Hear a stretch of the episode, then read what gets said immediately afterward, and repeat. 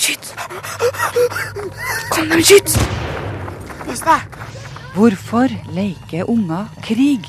Når jeg leker krig, så føler jeg at adrenalinet liksom bare fær opp i kroppen. Det er liksom bare kjenne adrenalinet helt fra liksom topp til tå, på en måte. Men hva skal vi med krigsleiken i Norge i 2013? Det kan kanskje for noen virke litt paradoksalt, men det er faktisk en av de formene for leik som, som eh, gir størst gevinst i forhold til sosial, uh, utvikling av sosial kompetanse. Pass deg! Se, der kommer! Henning Mella sprang rundt i rød shorts og kamuflasjehjelm og leka krig da han var liten. Rifla var et bambusrør. Nå forteller han om hvordan det var å bli voksen og bytte ut bambusrøret med et dødelig våpen. Vi har aldri opplevd et så sterkt adrenalin og en så sterk livsfølelse, hvis vi kan kalle det, som når du er i strid. Skyt! Kom dem, skyt! Det her er Magnus, Odin, Alex og Peder. Der kommer! Pass deg! De er gutter, de er tolv år, og de leker krig. Det her er stas. De springer, de roper, hvisker, gjemmer seg bak hjørnene og skyter på hverandre. Se, de kommer! På leik, da. Men hvorfor gjør de det? Hvorfor leker barn krig? Når jeg leker krig, så føler jeg at adrenalinet liksom bare fær opp i kroppen. Det er liksom bare kjenne adrenalinet helt fra liksom topp til tå, på en måte. Bare gjøre det mer og mer og mer, liksom. For lang, lang tid tilbake så var det jo mannfolkene som, eh, som gikk ut i, i, strid, og som også var ute og jakta på ville dyr og sånne ting. Og da var man egentlig litt avhengig av at uh, gutter og, mannfolk uh, både hadde uh, mot og, og, vilje til å faktisk sette noen ganger livet sitt på spill for å gjøre det her. Mm. Uh, og også at de gjennom leiken i, i, barndommen på en måte opplevde ferdigheter og, og sånn til å, å, kunne mestre de situasjonene. Så det er det her de øver på uten at de sjøl tenker over det akkurat? Magnus, Odin, Alex og Peder.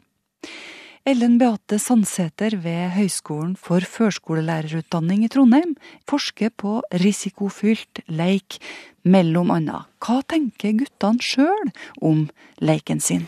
Du må gjøre liksom å prøve lengst og, og hva, slå Skyt hardt. Får dere litt sånn hjertebank og sånn, eller? Ja. Da er det hjertebank. Han bruker mye kraft. Ja. Jeg føler meg litt sånn spennende. vet ikke. Adrenalin. Men når dere leker i krig, da tror dere det ligner litt på det å være i krig, eller? Tror dere det er helt annerledes? Jeg, jeg tror det er mye verre å være i krig. Ja, ikke når du holder på med Nerf. Yeah. jeg, tror det, jeg, tror det, er verst i krig, fordi at da, liksom, da har det en fare for å virkelig bli skutt og virkelig dø. Det er liksom ikke bare på lek. Mm. Ja, det er sånn 50-50. De tenker at krig det er noe annet enn krigsleik. Ellen Beate, forskeren, hun sier at krigsleik var nødvendig for å gjøre seg sjøl i stand til å møte livets utfordringer før. Men nå som mannfolk kan gå i butikken og legge kjøtt og melk i poser og løse konflikter på kontor, i alle fall i vår del av verden, i alle fall akkurat nå, hva skal vi med denne krigsgleden? I dag så vil, man, vil jo mange si at uh, dem som på en måte har en uh, en spenningssøking som, som, har en hensikt i dag, er ofte folk som er innovative, f.eks. Og som tør å finne på nye ting og legge hodet sitt litt på blokka og, og, og ja, øh, tenke nye tanker og finne opp nye ting. Og som driver vårt nå da veldig øh, oppegående samfunn videre. Kan vi nevne noen navn her, eller? Uh, nei, det, det, det, vil ikke jeg gjøre. Uh, det finnes jo mange, men jeg, men jeg, vet jo Jeg husker ikke hvem det var, om det var VG eller eh, Dagbladet eller noe sånt som skrev en artikkel for noen år siden om en Kjell Inge Røkke f.eks. For eksempel, mm. i forhold til det her, fordi han er villig til å, å prøve nye ting, til å bli upopulær og til å bli rakket ned på sosialt. Altså det, da handler det jo ofte både om økonomisk risiko og sosial risiko. Men Sandsæter ser at det er mindre bruk for de her egenskapene akkurat nå hos oss. Så hvor skal mannfolk gjøre av denne krigsgleden, når samfunnet ikke trenger den lenger? Ja, altså Det er jo eh, som sagt mange måter å, å få dekt eh, sånne behov for. Det er jo veldig mange som, eh, som finner idrettsaktiviteter som eh, gir store utfordringer, og som, eh, og som dyrker det eh, opp gjennom eh, voksen alder. Eh, risikosport har jo blitt veldig akseptert de siste årene. Det har nest, nesten blitt litt sånn statusaktiviteter. Men det blir, jo, Eh. det blir jo en slags sånn forlengelse av leiken, det da. Det, det er jo en Ja, del, det er det. en del menn som kanskje savner den her nytten. Savner at det her er nyttig, da, de egenskapene.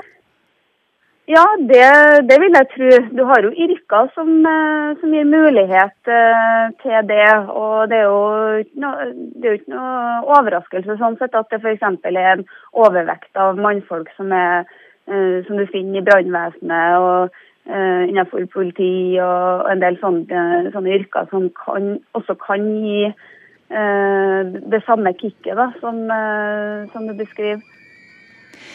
De fire tolvåringene har også andre måter å leve ut spenningsbehovet sitt på enn under krigsleik. De hopper fra sjumeteren, kanskje til og med timeteren. De gjemmer seg i buskene. De kjenner hjertet dunke i uvisshet. Blir jeg ferska eller ikke? De kjører karusell. De ringer på til en nabo de ikke kjenner. Ding dong stikk, og ring på og stikk av. Det er adrenalin. Ring, altså spring. Det er, Eller gjemme seg. det er litt farlig å eller gjemme på samme tid. Jeg tror det er Spennende på samme tid. Ting men som å være på en veldig farlig berg-og-dal-bane. Det er samme. Dødsfarlig berg-og-dal-bane. fra tida. Det er skikkelig sånn der adrenalinkick. Det Ja, hvordan virker det på deg, da? Det rister i knærne mine når jeg skal hoppe.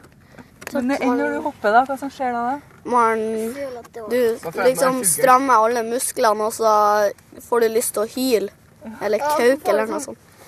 Og så er det på en måte det samme som krig. Når man er ferdig, så er det endelig sånn man kan puste ut.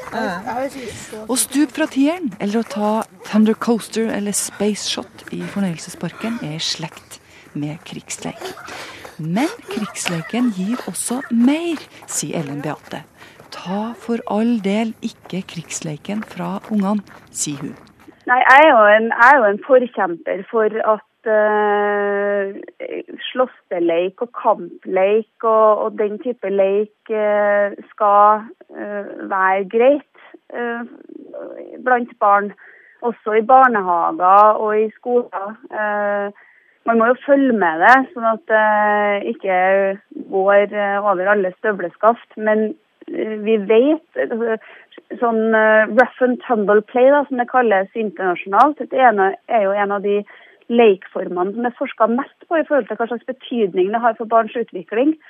Eh, og det har veldig stor betydning, og spesielt for gutter.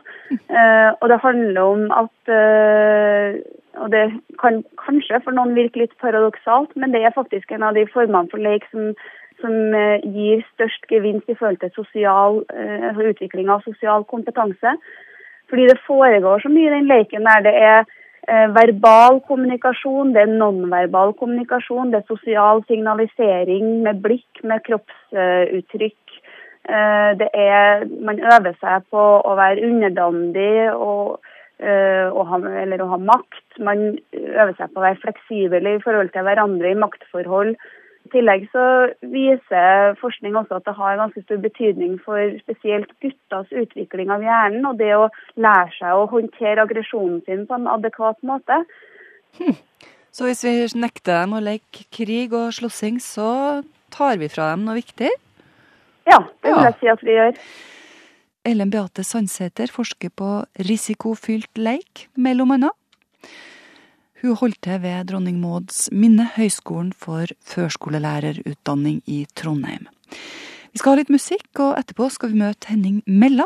Han eh, har vært ute i ordentlig krig, og forteller reflektert om det. Anbefales. Hva skal vi med krigslyst?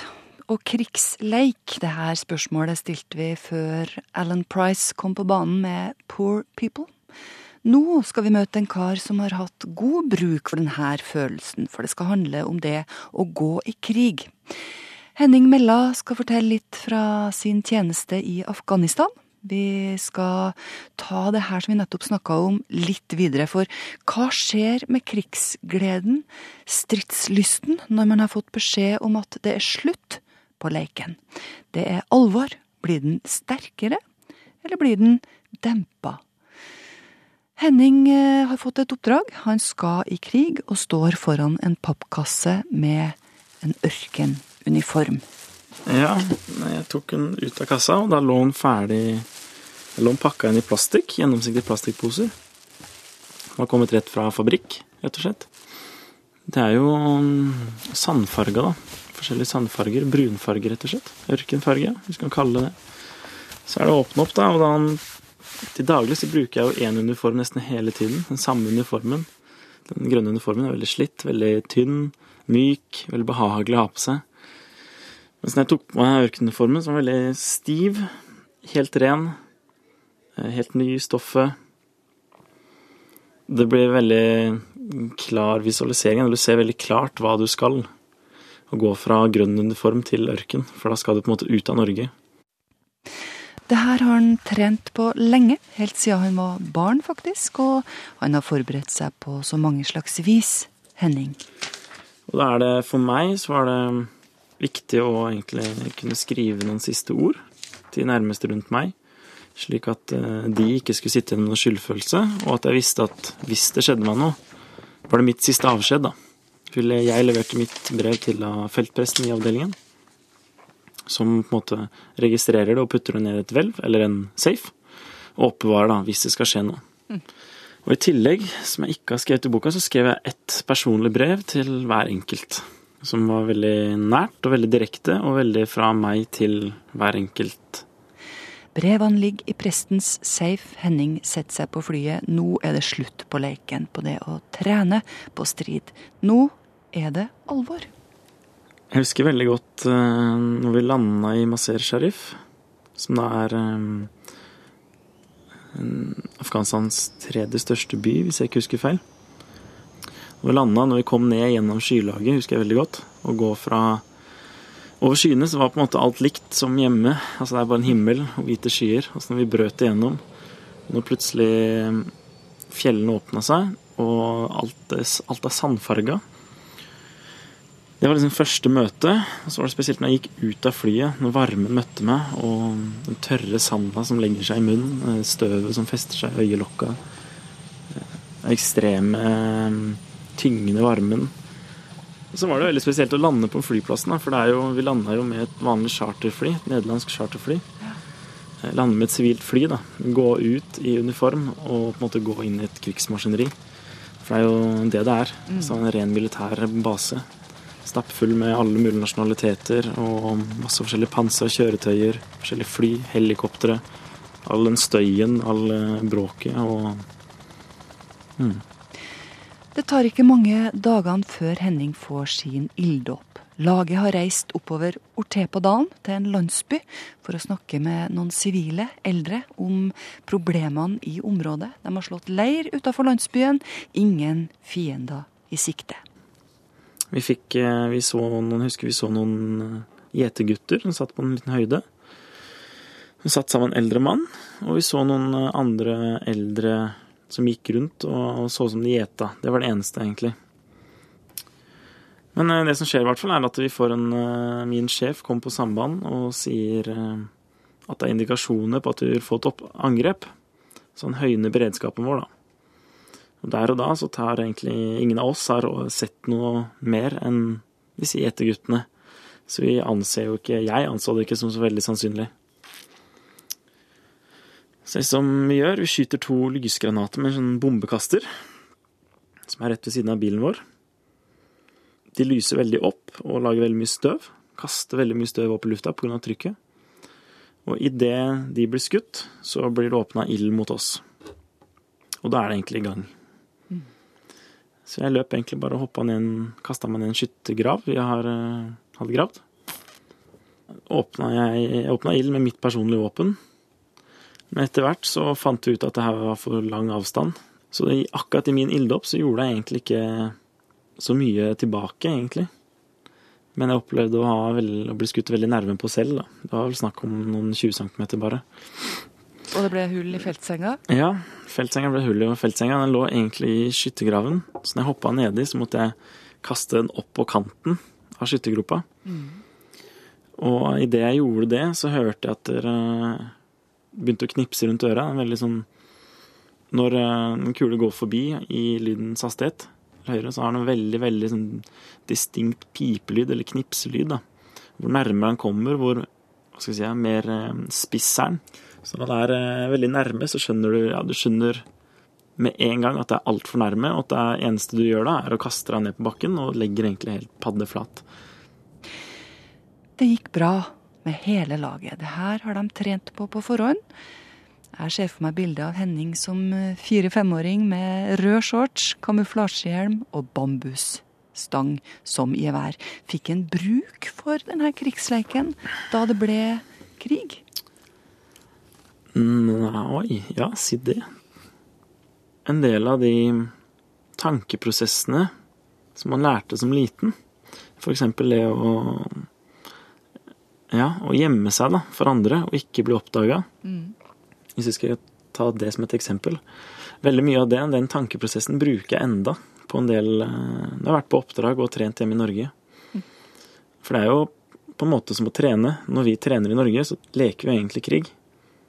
Så, men det blir heller det når det blir alvor, så vurderer du alle handlingene dine litt ekstra.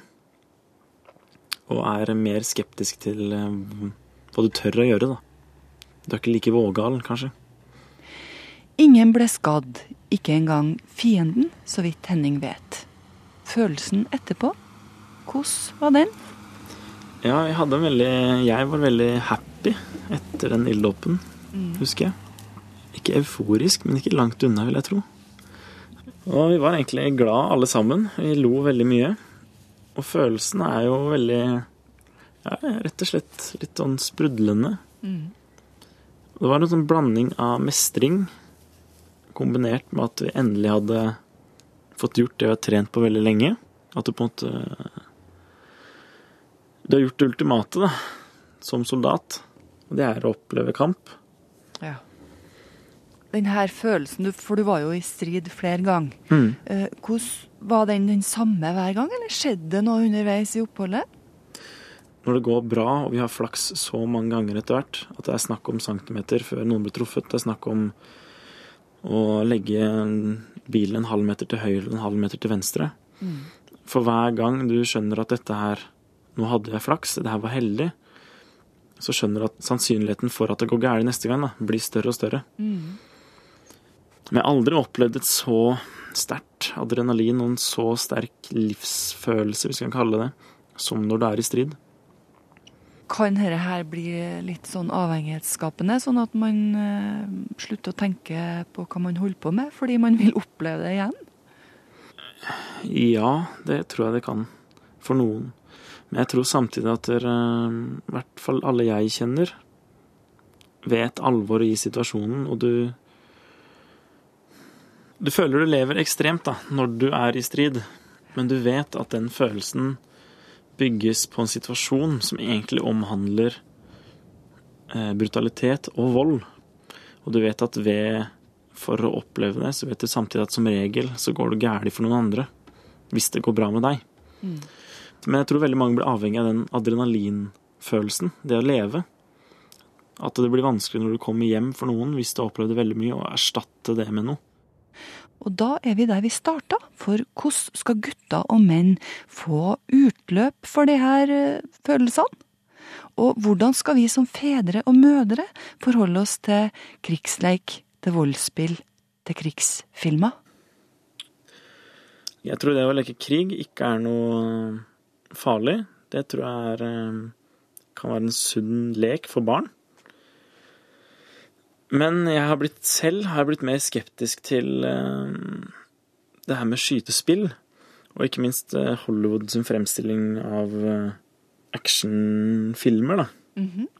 Og da spesielt eh, hvor alt er, er- skal være veldig realistisk, eller hvor man på en måte glorifiserer vold i seg selv. Har, ser det her annerledes ut eh, etter at du var i Afghanistan? Ja. Ja. Og etter å ha jobba med det. Vi merker jo også bare sånn i Forsvaret, når folk søker seg inn, At det er mange som har en veldig fjern oppfattelse av hva som er reelt, hvordan det egentlig virkelig er. Mm. Veldig mange tror at sånn det er på film, er sånn det er i virkeligheten. Og det er en stor forskjell. Hva vil du si at eh, oppholdet har gjort med deg, da? Hvordan har det forandra deg? Blitt mer eh, skeptisk til bruk av mm, militærmakt som løsning i seg selv. Jeg er blitt um, kanskje mer skeptisk generelt på mange plan. Mm. Betyr det at du har mista litt trua på mennesket, eller? Absolutt ikke. Tvert imot. Ok. Men um, at det kan skje, at det fins ondskap, mm. det er noe som er reelt. Og det er noe jeg har et uh, veldig reelt forhold til. Naiviteten er kanskje litt borte. Fleet Foxes brakt de store spørsmål til din radio Blue Spotted Tale, heter denne melodien. Og det var Henning Mella som snakka om sine 150 dager, iallfall noen av dem, i Afghanistan før det her. Henning han har eh, akkurat kommet ut med boka om de samme 150 dagene. For konge og fedreland, heter den. Hvordan skal det nye Livssyns-Norge se ut? Rundt det her har ordskiftet gått til nå i 2013, og det som mange lurer på, det er hvor kirka skal stå midt i det hele. En av kirkens egne menn, presten og salmedikteren Eivind Skeie, han har eh, i den siste tida fått litt oppmerksomhet etter at hans blogginnlegg ble trykka i sin helhet i avisa Vårt Land.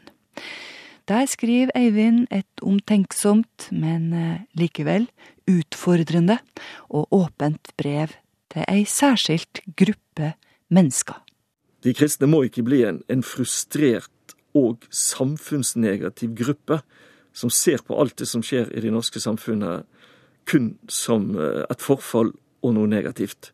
Og jeg er helt imot at de kristne skal trekke seg tilbake og si at nei, nå går det så galt ute i samfunnet, vi må bare trekke oss tilbake til vårt lille rede her inne på bedehuset eller kirken, og så får det gå som det vil med resten. Men hvem snakker han til? Hvem er de her frustrerte kristne? Jeg bruker ganske mye tid på å reise rundt i Norge, og da møter jeg veldig ofte disse litt skuffede, noen ganger fortvilte, men kanskje mest skuffet og litt sint disse menneskene som sier at ja, nå går det tilbake, nå er det så lite kristendom igjen, nå mister vi eh, den kristne profilering i skolen og alle mulige andre steder. KrF har sviktet, alle, alle har sviktet. Og eh, de har en sånn slags nederlagsfølelse som er knyttet til eh, aggresjon. Så det er utgangspunktet mitt. At vi har noen negative, vonde, frustrerte følelser og hva kommer de av, og er det noe vi kan justere i vår måte å tenke på? Hva var det du ville si med det her blogginnlegget? Nei, Det som jeg vil si, for å si det så enkelt som jeg kan, det er det at vi lever i en tid hvor vi opplever et veldig stort skifte i forholdet mellom kirken og samfunnet. Og vi har kunnet dominere fellesrommet, vi som tilhører den kristne tro, og det kan vi ikke lenger. Nå eies fellesrommet ikke lenger av de kristne og av kirken. Og det er utgangspunktet for denne frustrasjonen. Hva legger du i begrepet fellesrommet? Ja, Jeg kaller det for det norske fellesrommet. Og da mener jeg egentlig det som gjør, for å si det utrolig enkelt, at vi er norske. Så fellesrommet det er egentlig det norske huset, som Jagland kalte det for. da. Alt det som gir oss verdier og identitet som norske. Det vi må se i øynene nå, er at den kristne tro og tradisjon ikke lenger dominerer dette norske fellesrommet slik som før, f.eks. med nye religiøse retninger, og ved at vi har opplevd nå politisk Forholdet mellom kirke og stat er i ferd med å endres, det skiller lag. Så vi kan ikke med Grunnloven i hånden nå kreve privilegier for de kristne, i skolen f.eks., og på veldig mange andre felt. Og så kan man spørre seg er dette en ulykke eller er det en ny mulighet? Og jeg prøver da å definere det rett og slett som en ny mulighet. Eivind Skeie er engasjert når han snakker om dette temaet. Og han mener at man må se de lange linjene før man dømmer samfunnsutviklinga nord og ned. Helt fra Konstantin, som levde på 300-tallet, som gjorde kristendommen til statsreligion, så har den kristne tro vært en del av det som jeg kaller fellesrommet i det europeiske huset, men også i de nasjonale rommene rundt omkring i Europa. Og noe som jeg har tenkt mye på, det er det at Konstantin, som skapte på en måte enheten mellom religion og stat på 300-tallet, det markerer jo slutten av den største misjonsperioden i kirkens historie. Da var de kristne et mindretall. De hadde ingen politisk makt. De levde i en fiendtlig kultur. Det var mange kraftfulle religiøse tradisjoner som levde side om side med kristendommen. Så ligner jo det samfunnet mye mer på det samfunnet vi har nå. Vi er faktisk nærmere urkirken nå enn da kirken hadde politiske makt på forskjellige måter. Vi er nærmere de første kristne, og da må vi la oss inspirere av de første kristne. Det er sånn jeg tenker. Jeg kan ta et eksempel. Jeg jobber masse i Egypt, med kristne i Egypt. Etter det valget som var der nede, så spurte jeg en god venn som er biskop. Så sa jeg ønsker du å lage nå et kristent parti for de koptiske kristne, altså Egypts kristne? Så sier han nei, absolutt ikke. Vi har sett altfor mye til blandingen av politikk og religion, og vi ser det fremdeles her i vårt land. Da tenkte han på islam selvfølgelig og det som skjer nå. Så sier han jeg ønsker meg en sekulær stat med frihet og like retter for alle. For eksempel på reformasjonstiden så ble det jo veldig mye problemer sant? da de reformerte og lutherske kristne kom, og de katolske. Og da var det utenkelig at et folk skulle ha en annen religion enn fyrsten. Altså var fyrsten katolsk, var folket katolsk. Var fyrsten reformert, var folket reformert. Sånn var det òg i eneveldet i Norge. Og man hadde jo forbud mot at katolikker og jesuitter skulle få komme inn i Norge til langt opp på 1800-tallet, og jøder for den del. Altså, man forsvarte enhetskulturen. Men nå forsvarer vi felleskulturen, og det stiller store krav til oss som kristne i forhold til demokratisk sinnelag og respekt for andre. Men sjøl Eivind kan ta seg av savne den gamle enhetskulturen innimellom. Jeg skrev en bok om eh, Jon Lilletun, og da skrev jeg om hans barndom på Sundve skole. Hvor de begynte hver dag med å synge et salmevers og sluttet hver dag med å synge Fager kveldssol smiler. Altså, han levde da, og det gjorde vi alle på 50-tallet, i en enhetskultur hvor kristendommen var selvsagt. På en måte kan jeg altså ønske meg tilbake til denne enhetskulturen, og syns vi har lidd et tap ved at vi nå lever i det religiøse mangfoldet. Men det blir falskt. Det går ingen vei tilbake til Sundve skole. Altså, vi må ikke ha en strategi som gjør at vi vil erobre tilbake makten. For mange er en helt ny måte å tenke på, og dette er skremmende, men også en ny mulighet. Og det er det egentlig som er eh, skal vi si, brennpunkter i det som jeg prøver å si noe om, da. I blogginnlegget sitt har han utformet en strategi på fem punkter for en ny måte å tenke og handle for de kristne. Punkt én vi må erstatte sinnet vårt med noe annet, med en definering av oppgaven, av hva jeg skal gjøre i dette her nye fellesrommet. Jeg må slutte å være sint. Punkt to. Jeg må ikke falle ned i den grøften at jeg ønsker meg tilbake til Sundve skole, eller til eh, Konstantin sin verden, eller noe annet. Så jeg må ikke søke den makten. Og så må jeg da, i det tredje punktet mitt, da, være med på å gjøre Kirken levende innenfra. Men samtidig så må vi gjøre noe som er veldig vanskelig. Vi må være demokrater. Jeg må tenke at den andres stemme er like betydningsfull som min. Altså I dette fellesrommet er et lite barn som har en muslimsk bakgrunn.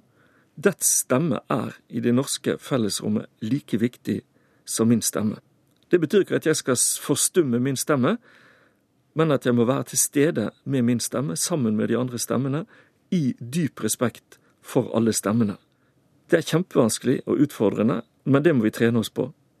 Og så må vi altså, som jeg sa, finne ut hvordan skal vi handle i tjeneste for andre, diakonalt. Fordi at Jesus har kalt oss til å tjene menneskene på en gjerne ordløs måte. Og kirken må bli mye mer synlig i forhold til barmhjertighet. Og det Skeie har skrevet, har tydeligvis gjort inntrykk hos mange. Nesten ikke fått noen negative reaksjoner på det. Jeg har den klare kristne identiteten i det jeg skriver, men samtidig kan da en mann som lever fra kveld, fra Human-Etisk Forbund, si at dette er riktig tenkt. Og det tror jeg han tenker på da, det er at vi sier nei til å erobre makt vi har mistet. Så har jeg fått fra ganske mange konservative kristne som har hatt denne frustrasjonen, så en skriver Dette har jeg hengt opp på kjøleskapsdøren min, for jeg vil se på det hver dag, og så vil jeg tenke over det. Jeg vet ikke om jeg er enig, eller om, om jeg forstår det. men Jeg vil tenke på det, for det treffer min følelse. Så jeg ser for meg at det nå kan oppstå en enkel, glad, apostolisk eh, kristentro, som kan ha sin sprengkraft over tid, og være med på å prege kulturen vår på nytt. Men vi må altså ikke klamre oss til Nå skal jeg si det også litt sånn på spissen til det synkende skip som heter Kirkens makt i den situasjonen som vi nå er. Og det er den revolusjonen i tankegang som jeg mener at mange av disse frustrerte kristne må ta inn over seg. Så jeg ønsker vel egentlig, hvis jeg skal gi et råd, at de må få snudd blikket sitt en litt annen vei, rett og slett. Og tenke at jeg skal ikke bære ansvaret for hele det norske samfunnet. Jeg vil ikke ha en kirke som søker politisk makt eller privilegier. Jeg vil ha en enkel tro på Jesus Kristus, og så får alt det andre komme etterpå. Så jeg vil faktisk si det som Jesus selv sier. Søk først Guds rike og hans rettferdighet. Så skal du få alt dette andre i tillegg. Altså søk Gud og ikke makt. Eivind Skeie har fått mye oppmerksomhet i det siste, men han er glad for at han skrev det her åpne brevet. Men jeg har fått bare så enormt med respons. Jeg, jeg vet nå at jeg berører noe ganske dypt i forhold til skal vi si, samtidsopplevelsen hos mange kristne. Men jeg vet ikke helt hvor det fører hen, men det er det vi må finne ut av sammen. Det var vår reporter Kristin Norvoll Mork som hadde tatt en prat med Eivind Skeie. Margrethe Nåvik heter jeg, som takker for din tid. Har du et spark på leggen, eller et klapp på skuldra kanskje? Her har du vår adresse. Himmel og jord, krøllalfa, nrk.no. Ha en riktig god søndag med NRK radio, kanskje?